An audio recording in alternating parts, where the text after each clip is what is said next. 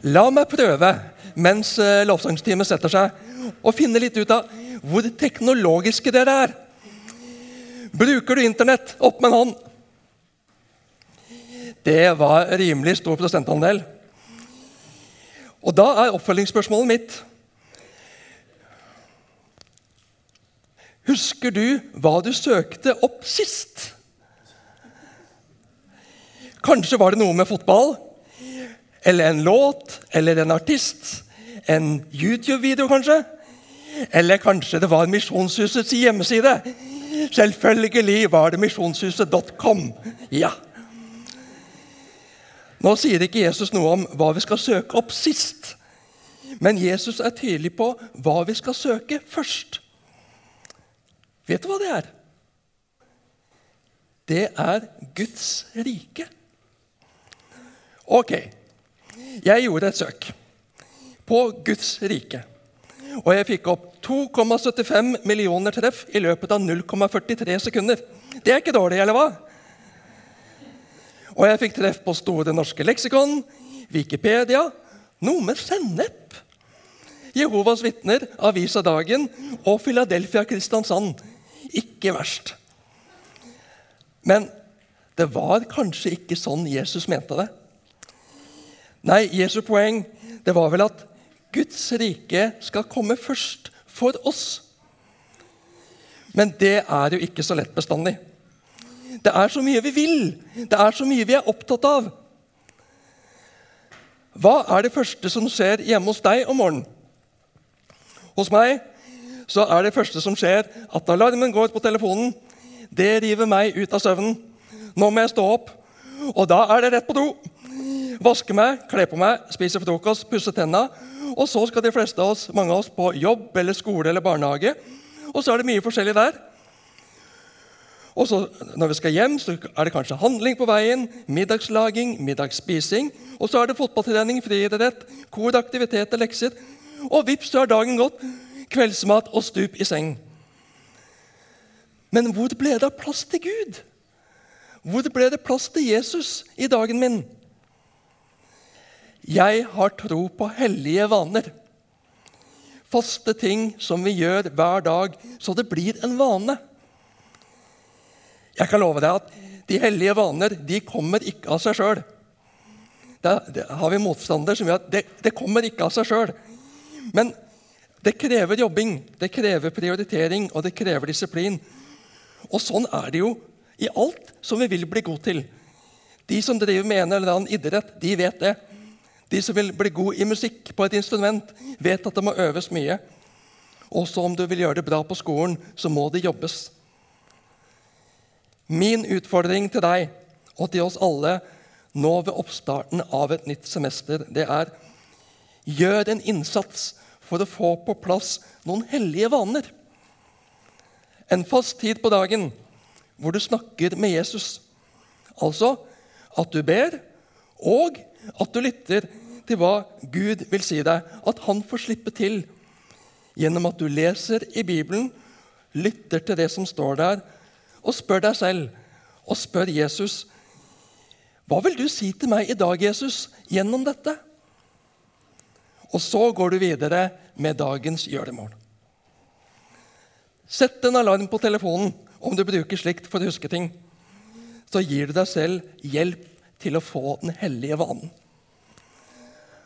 Og det er fascinerende når vi har praktisert hellige vaner tilstrekkelig nok ganger, så blir det slik at vi kjenner at det mangler noe om vi hopper over det.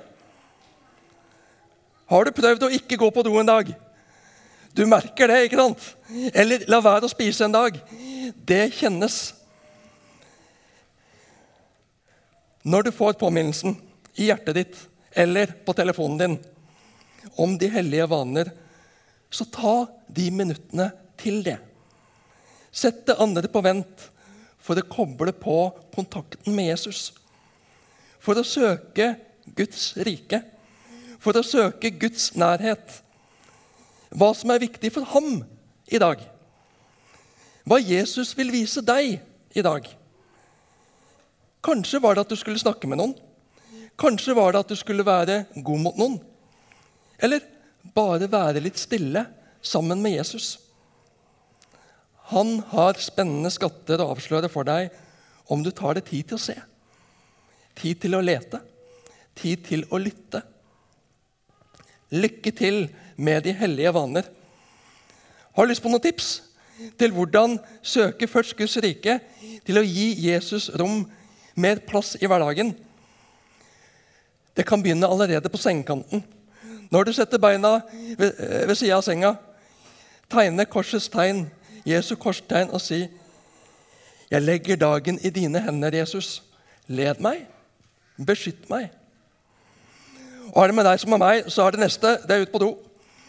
Og mobilen har en tendens til å bli med overalt. Har du da et bibelvers som bakgrunnsspiller på telefonen, så får Jesus gitt deg noe allerede der. Over frokosten syng bordvers, for på den måten minne deg sjøl på hvem, at det er Gud vi har fått maten ifra, selv om vi har kjøpt den på butikken. En bordkalender, noe å feste blikket på mens du spiser, med et bibelvers, et ord fra Jesus til deg ved starten på dagen. Eller kanskje en andagsbok med korte andakter. Hvor mange tar buss til jobb eller skole? Noen er det. Bibelleseplan på telefonen. Da har du noen minutter med Jesus, at Jesus får tale til deg. Bruker du bilen, så ikke fikle med telefonen, men du kan ha Bibelen på lydbok. Jesus på øret. Og før dere forlater middagsbordet, vil jeg oppfordre dere til å få den hellige vanen. Lese et avsnitt fra Bibelen, og la ordet gå rundt, rundt bordet. Si én ting som Jesus sier til deg i det som du nettopp har lest. Og en runde til hvor dere ber én ting eller takker for én ting hver. Eller stille med Jesus. Si noe til Jesus inni deg før dere avslutter måltidet. Og når du legger deg om kvelden, godnattsang, en bibelhistorie og en bønn til Jesus. Takk, Jesus, for denne dagen. Du ser hvordan den blei. Det som ble slik jeg hadde tenkt, det som ble annerledes. Kanskje tenkte du sånn, at det skulle være sånn.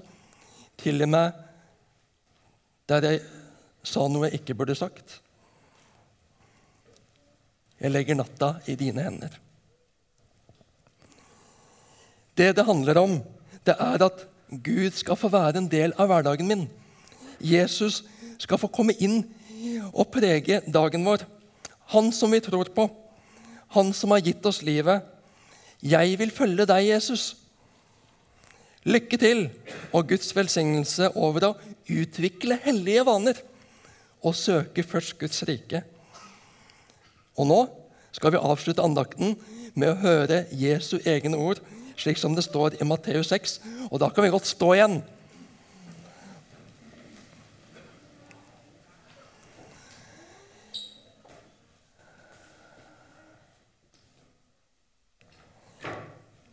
Ingen kan tjene to herrer. Han vil hate den ene og elske den andre, eller holde seg til den ene og forakte den andre. Dere kan ikke tjene både Gud og mammon.